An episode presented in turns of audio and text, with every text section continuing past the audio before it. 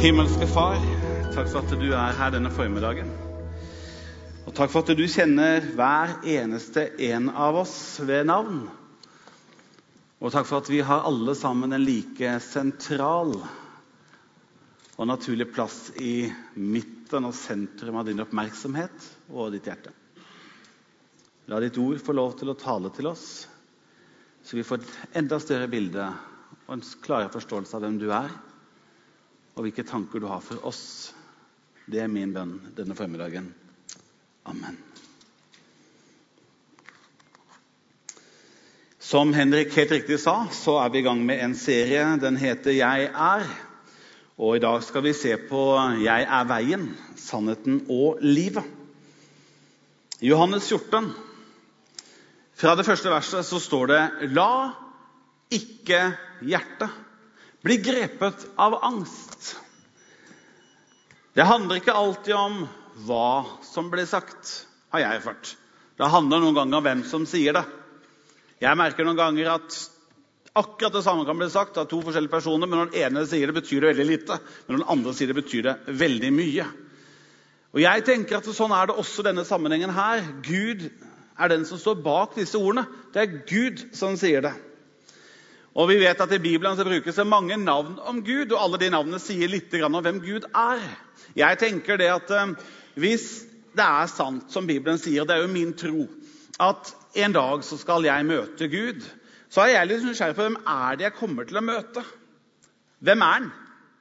Altså, Hvis han er en grusom, ondsinnet uh, tyrann eh, Da vet jeg ikke om jeg bør vite det i forkant. Men eh, hvis han er en fantastisk god Gud som har gode tanker for meg altså, Jeg har litt behov for å vite hvem han er.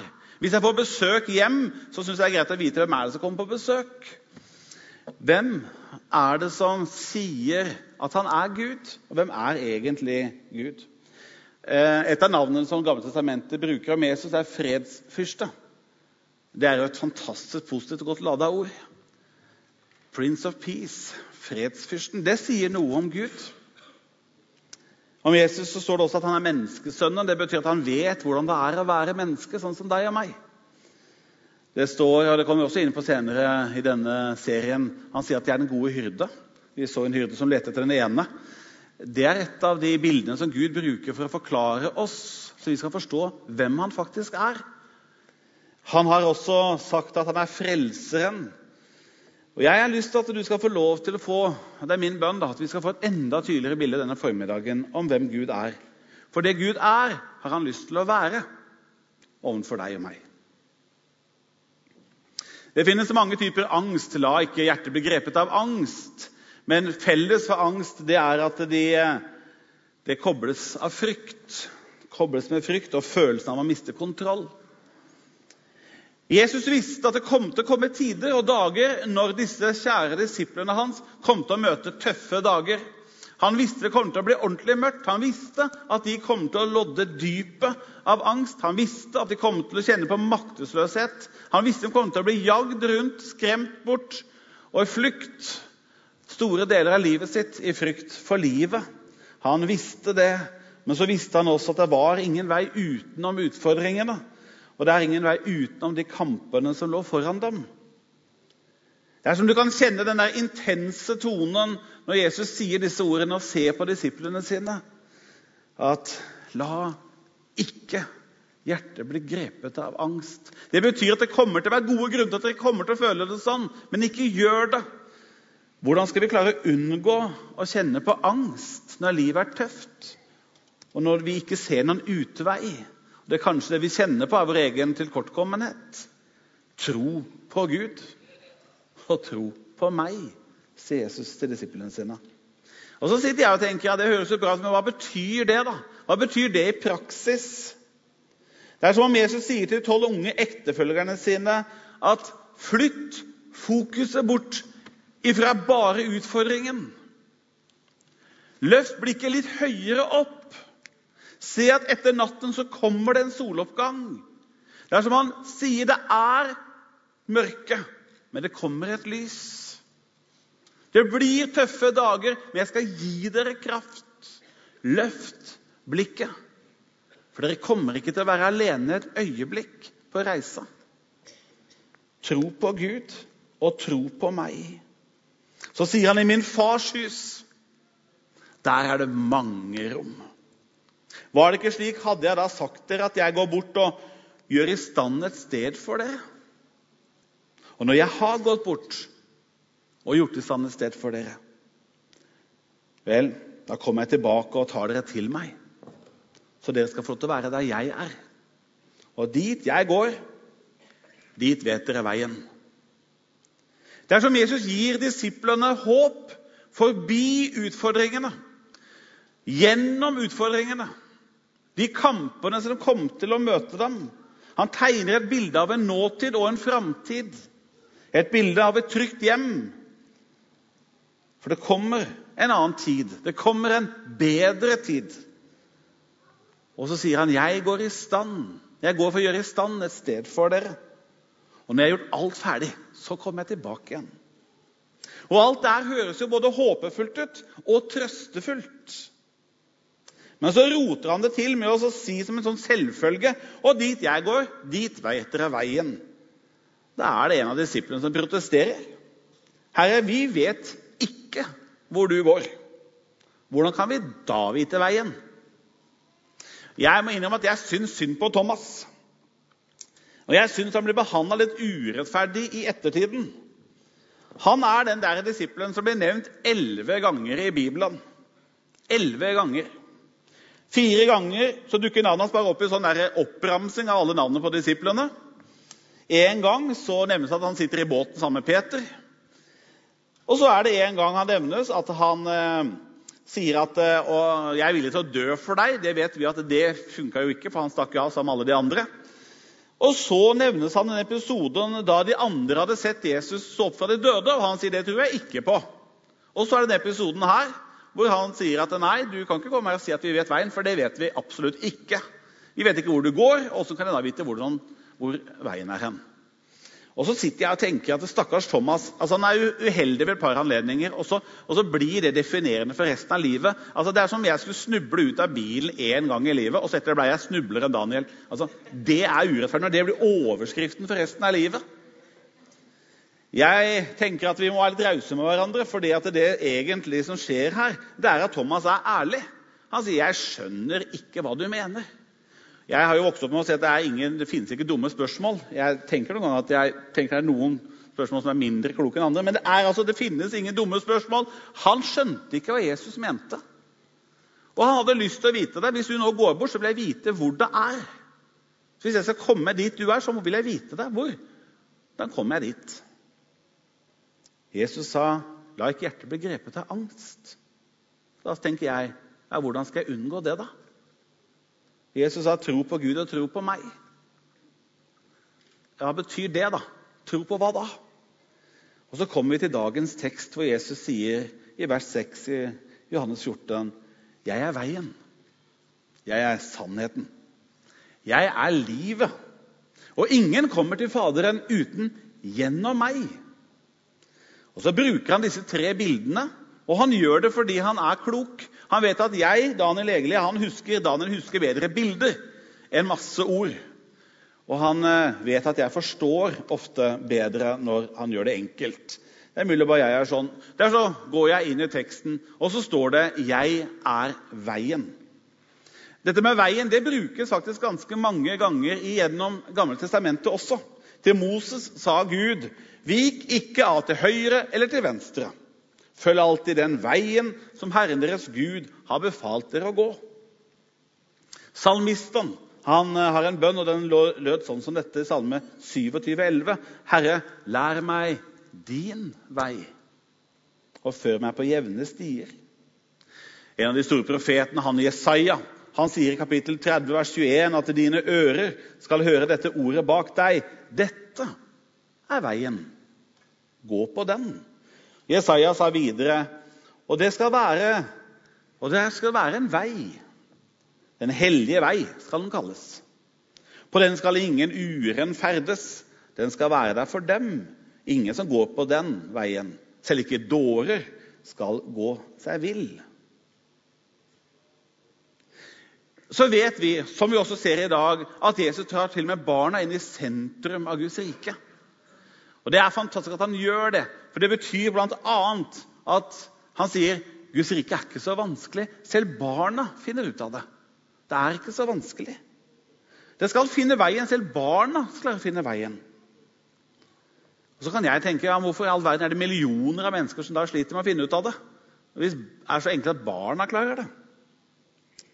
Jeg har lyst til å bare tenke litt sammen med dere. Hva er den praktiske og konkrete betydningen av ordene hans når han sier 'Jeg er veien'?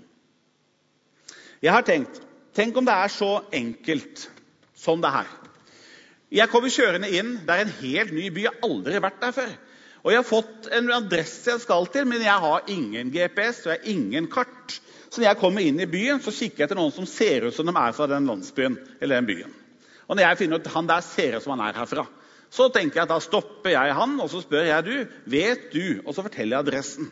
Og så tenker jeg jo at Hvis jeg er heldig, så begynner han med en gang å si jo, du, du vet jeg hvor er hen. Du, du tar altså du, første veien her nå til høyre. Og Så går du 100 meter, så tar du andre veien til venstre. Og Inntil nå så henger Daniel egentlig med. Høyre og venstre, det klarer jeg. Men det er når han begynner med det her, og så går du over torget til venstre for kirken. Nei, forresten, høy, nei, nei, det er venstre for kirken. Og over der bak så er det et bakeri, og der går du rett forbi. Og så er det da den neste veien til høyre og så er det tredje veien til venstre etter det. Og da er du faktisk kommet fram. Jeg har ikke sjans etter en sånn, da jeg mistet veien for lenge siden. Men hadde den mannen sagt vet du hva, jo, det vet jeg hvor det er. Du, kom, jeg skal vise deg veien. Heng med her. Da har han løst alt sammen. Da er han veien for meg. Jeg bør ikke forholde meg til han forklarer veien. Han er veien. Jeg trenger bare gjøre én ting, det er bare å henge med han fyren, så kommer jeg faktisk fram. Det er det Jesus faktisk sier. Du, Hvis du vil komme til Gud, bare heng med meg. Jeg skal vise deg veien. Bare pass på at du henger med meg, så går det her bra. Tenk om det er så enkelt, da. Tenk om det faktisk er akkurat det han sier. At det er ikke vanskeligere enn det. Vi tenker jo at det handler om hvor klok jeg er, hvor mange regler jeg kan. Og, altså, nei, det handler ikke om det. Det handler bare om at du vil henge med Jesus. For han sier 'Jeg er veien'. Kom, skal jeg vise deg? Og så sier han at vi aldri skal gå alene. Jesus sier senere i det samme kapittelet i Johannes 14, vers 16-18.: Jeg vil be min far, sier han, og han skal gi dere en annen talsmann, som skal være hos dere for alltid. Det er sannhetens ånd, altså Den hellige ånd, som verden ikke kan ta imot, for verden ser han ikke og kjenner han ikke. Men dere, sier han til disiplene sine, dere skal kjenne han for han blir hos dere, og han skal være i dere. Jeg lar dere ikke bli igjen som foreldreløse barn. Jeg kommer til dere. Så han tar ikke bare og drar bort og leverer et kart i hånda vår, men han sier du, jeg kommer tilbake og så skal jeg vise dere hvor jeg går. Så jeg kommer til å guide dere steg for steg gjennom livet. Tenk hvor trygt det faktisk er. For alle Jesu etterfølgere så handler det om noe så enkelt som å bare henge med Jesus følge Jesus, holde blikket på Jesus, så kommer vi rett. Helt fram til vår himmelske adresse en dag, men også trygt gjennom livet. Å gå på veien betyr i praksis å lære Jesus å kjenne.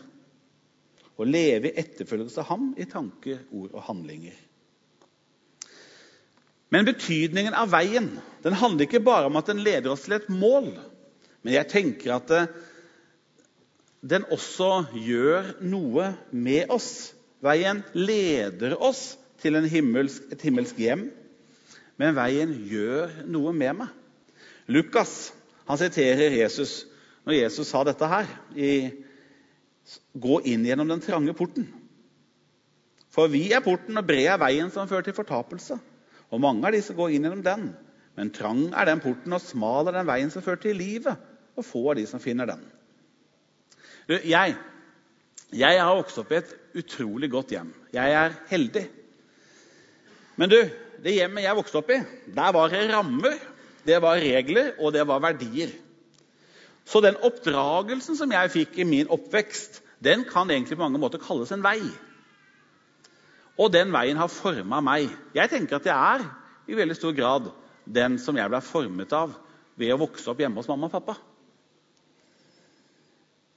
Jeg tenker jo at eh, på mange måter var den veien ganske smal. Altså, Mine foreldre de hadde en veldig klar opplevelse og forståelse, opp, øh, forståelse av hva som var rett og galt. Og det fikk jeg høre, så de satte jo begrensninger for livet mitt. Eh, de sa det får du lov til, det får du ikke lov til når jeg var liten. Og så gikk det der du får ikke lov til, til å bli mer rådgivende etter hvert. Eh, tenk noen ganger at det var liksom motvillig. De gikk fra ikke lov til å være rådgivende. Men det er noe som skjer. Et må du gi råd og si det er ikke klokt. Men denne måten å vokse opp på har formet meg og mitt liv. Det, det har akkurat vært en sånn nasjonal lederkonferanse i pinsebevegelsen eh, som heter LED. Og I går så kjører jeg opp fra Led og hit, og da kjører jeg oppover E18. Det er en selsom opplevelse, fordi Vegvesenet har ødelagt så mye av kjøreopplevelsen. Eh, de altså, den E18 er utrolig smal.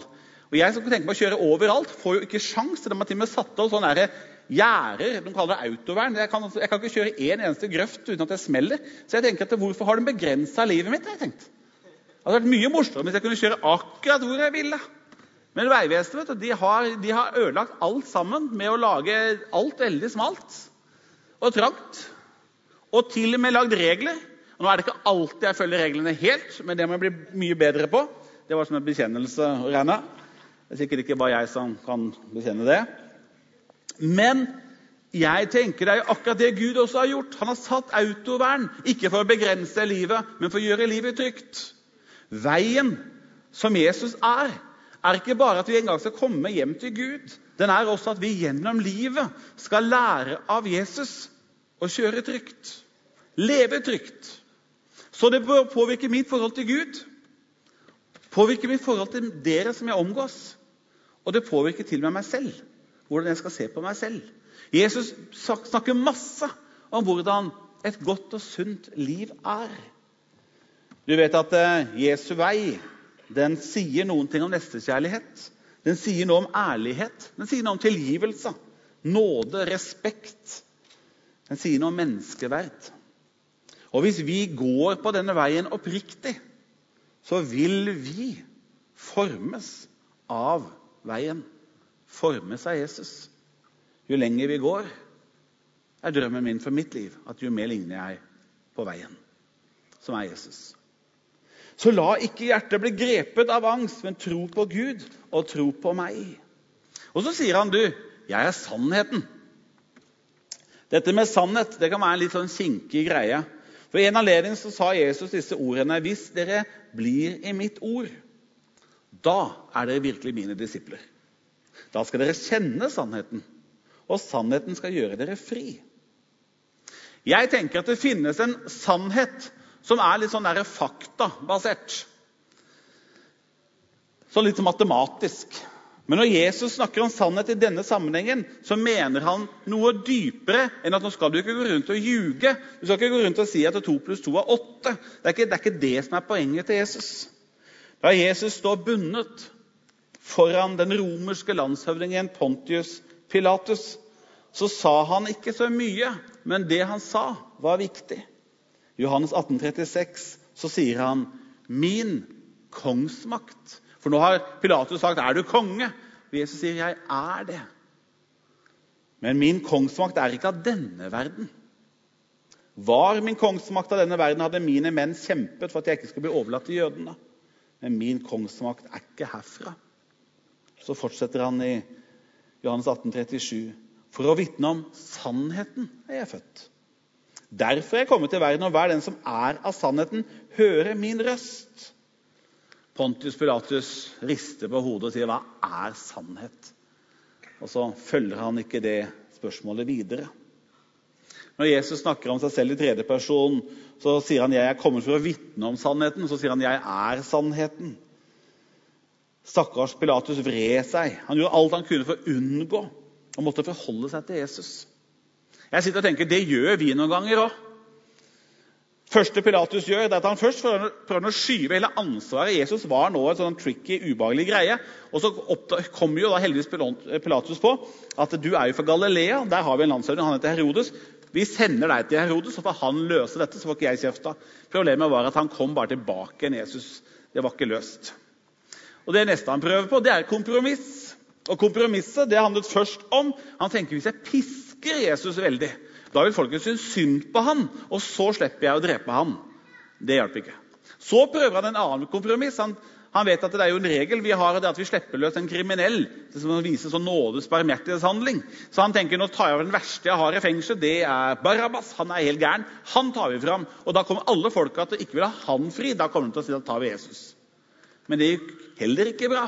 Den velger jo Barabbas. Og så står Jesus der, pisket, hånet.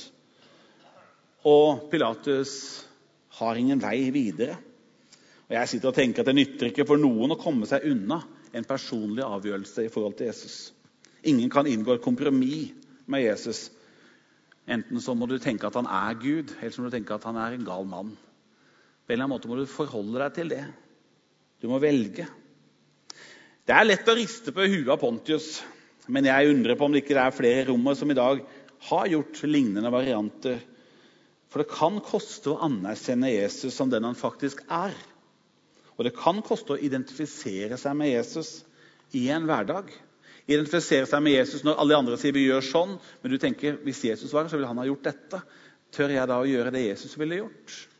Det kan koste å stå oppreist når de andre sier er du en sånn kristen, og du vil si ja, det er jeg.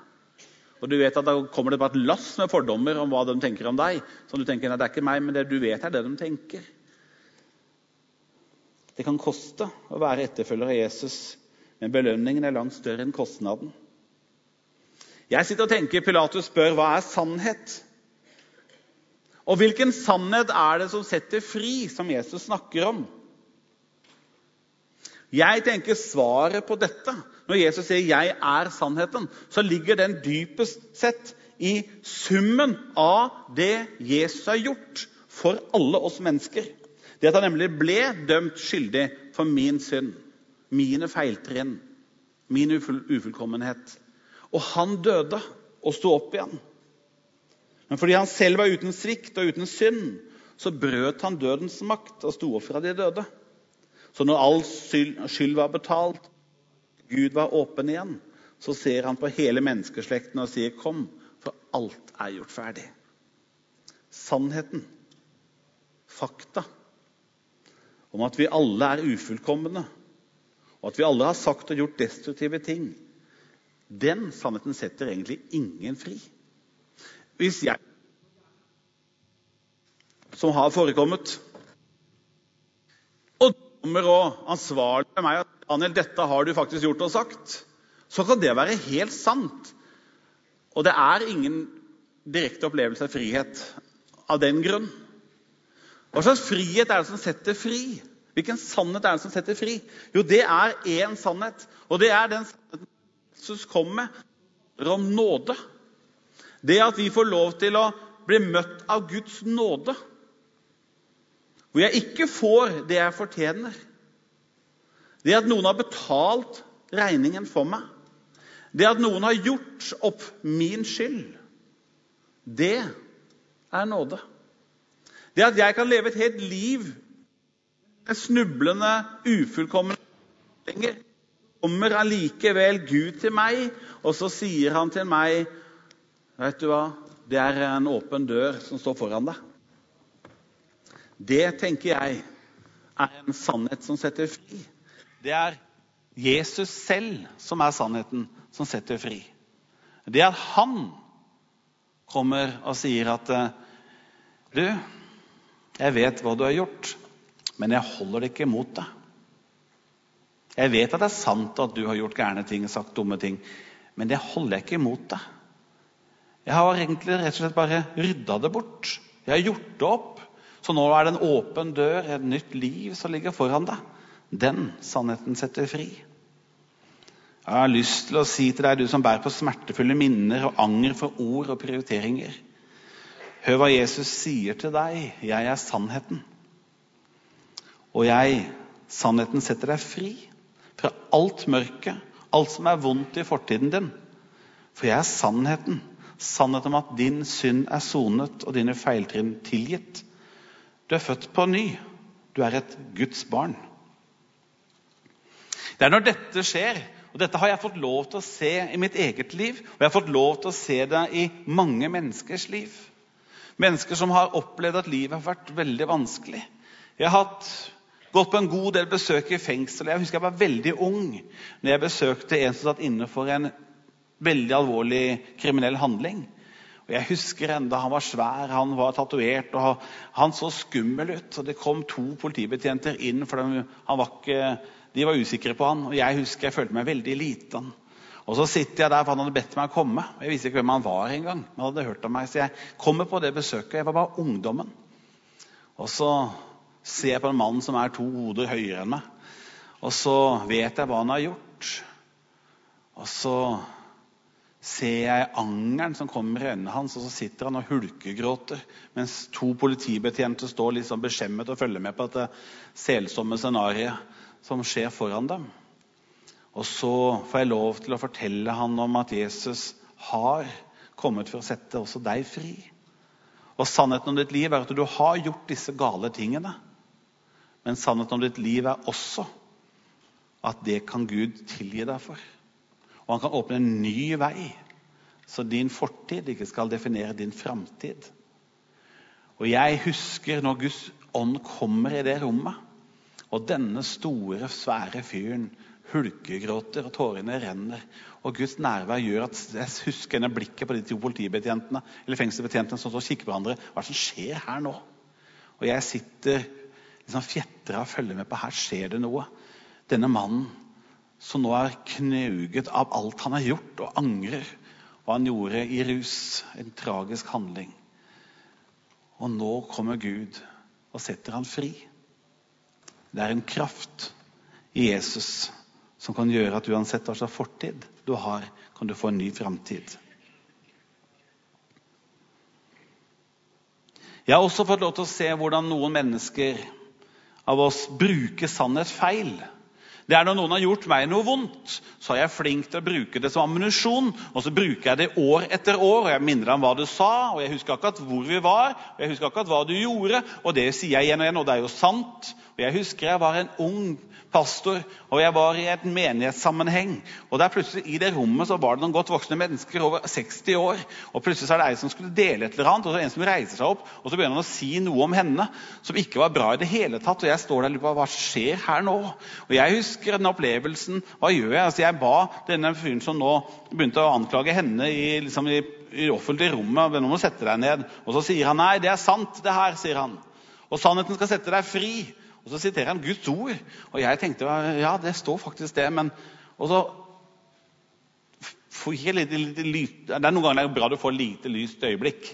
Og Jeg husker enda sa du, men det er ikke all sannhet som setter fri. For den sannheten du akkurat sa, den binder henne. Det er bare én sannhet som setter fri, og det er Jesus. Så om det du sier, er sant, så er det bare én måte du kan møte henne på sånn som Jesus ville gjort. Og dere har sagt at 'jeg tilgir deg'. Nåden er vår refleks. Sannheten, tro i kjærlighet, det er Kirkens måte å forvalte sannhet på. Ikke en faktabasert sannhet som holder oss fast og lenker oss for tid og evighet. For det kan vi gjøre, i hvert fall for tid.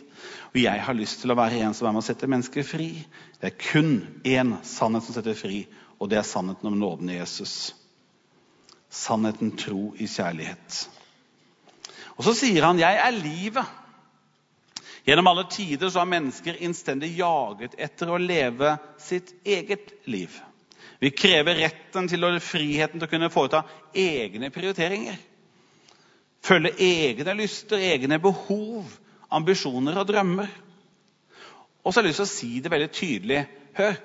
Gud ga deg denne retten i fødselsgave. Du har rett til å velge helt ditt eget liv. Han bestrider ikke den retten heller. Han respekterer deg fullt ut når du velger noe som han mener ikke er klokt, eller som strider med det han mener er best. Han har sagt at du har retten til å velge ditt eget liv. Selv om han ser at du tar fortvilt og ødeleggende valg for deg selv og de rundt deg, så har du fortsatt retten til å velge ditt liv. For Gud ga deg livet som en gave, og han tar ikke gaven tilbake. Jeg går tilbake til Bibelens begynnelse i skapelsens morgen. Så sier Gud disse alvorlige ordene. Du må gjerne spise av alle trærne i hagen. Du kan altså erfare alt som er i, det, Edens hage, det skaperverket. Gled deg over det. Nyt det. Men du, det derre treet, den erfaringen om hva som er godt og ondt. Ikke ta det. Ikke gå og søk den erfaringen, for jeg har lyst til at du skal leve i erfaring av det som er godt. Men jeg har ikke tenkt at du skal erfare det som er ondt. Så ikke gjør det. Men nå er jo det sånn at når vi mennesker får beskjed om ikke se til høyre, det er det første vi gjør, er å se til høyre. Hvis vi får beskjed om du må ikke dra dit, det er det første vi må finne ut hva er det som, hvorfor kan ikke dra dit da? Altså, Vi gjør jo akkurat dette, og sånn har vi vært i alle tider. Og sånn gjør mennesket også i skapelsens morgen. Mennesket valgte å søke erfaringen også av det onde. Og du og vi har betalt prisen for det.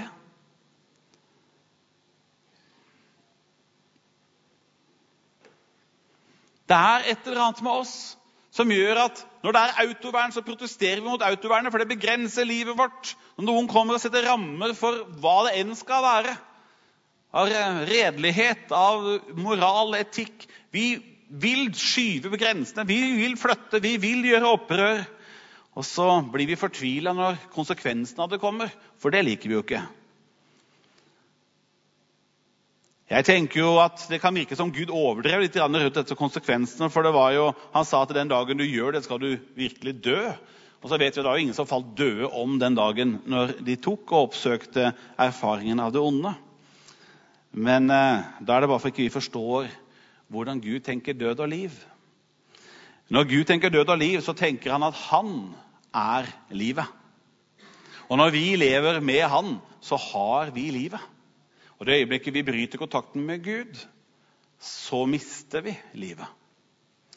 Det er jo morsdag i dag. og Jeg eh, visste at nå skal jeg tale her, og så skal jeg på Fila Internasjonal etterpå, så jeg tenkte jeg må kjøpe blomster av Kristin. Og Da dro jeg innom butikken og så kjøpte jeg noen døende blomster som nå står hjemme. Avskårne blomster. Og de er jo fantastisk vakre for en stund. Men de er i en prosess av å dø, for de har ingen røtter lenger. Og jeg tenker Det er noe i hele skaperverket som er så vakkert. Men hvis Bibelen sier sant, så er det veldig mange mennesker som er avskåret fra røttene. Så de er i prosess av død, selv om de lever. Jeg har så lyst til at du og jeg skal forstå at det er det Gud er fortvila over.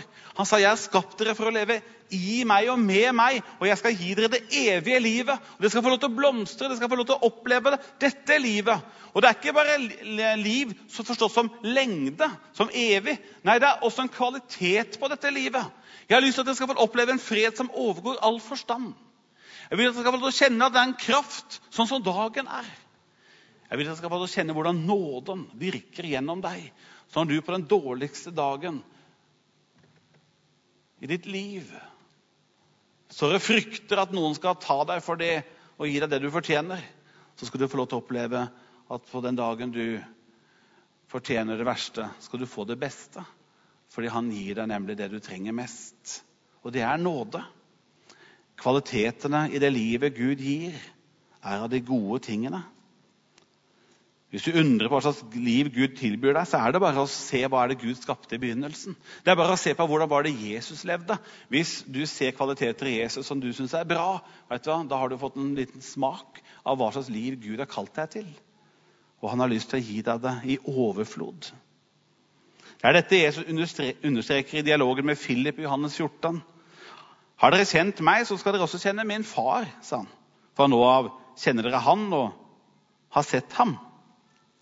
Philip Kanskje han svarer bare litt undrende og litt ivrig. 'Herre, vis oss Far.' Det er nok for oss. La oss få se den. Da svarer Jesus, 'Kjenner du ikke meg, Philip?' Og jeg synes nesten, Jo, jeg kjenner deg, men du sa ikke at nå skal vi se far. Og så er hele poenget det at men du, ved at dere ser meg, så har dere sett far. For far er i meg, og jeg er i far. Så hvis du har lyst til å bli kjent med Gud, se. Jeg er Gud. Og jeg har vist deg hvem han er. Og hvis du har funnet noe i meg som du liker, og du har tro på, og du trenger, så har du funnet veien. Du har funnet sannheten, og du har til og med funnet livet. For Jesus sa 'Jeg er livet'. På samme måte som Jesus sa at han var den eneste veien til Gud, og at han var den eneste sannheten som virkelig setter fri, så er Jesus også den eneste koblingen til livet som er Gud. Den som tar imot Jesus, blir igjen kobla på røttene, kobla på livet i Gud. Det er dette Johannes mener når han i kapittel 1 vers 12 skriver Men alle som tok imot han, de ga han retten til å bli Guds barn. De som tror på hans navn. Det er det i Johannes 3,3, når Jesus sitter og snakker med den skriftlærde Nikodemus. Så sier han, og da Nikodemus skjønner jo ingenting, men Jesus sier det likevel. Han sier, du, den som ikke blir født på ny, vet du, kan ikke se Guds rike. Jeg tenker hadde sikkert reagert akkurat likedan som Nikodemus. At det går faktisk ikke fysisk an.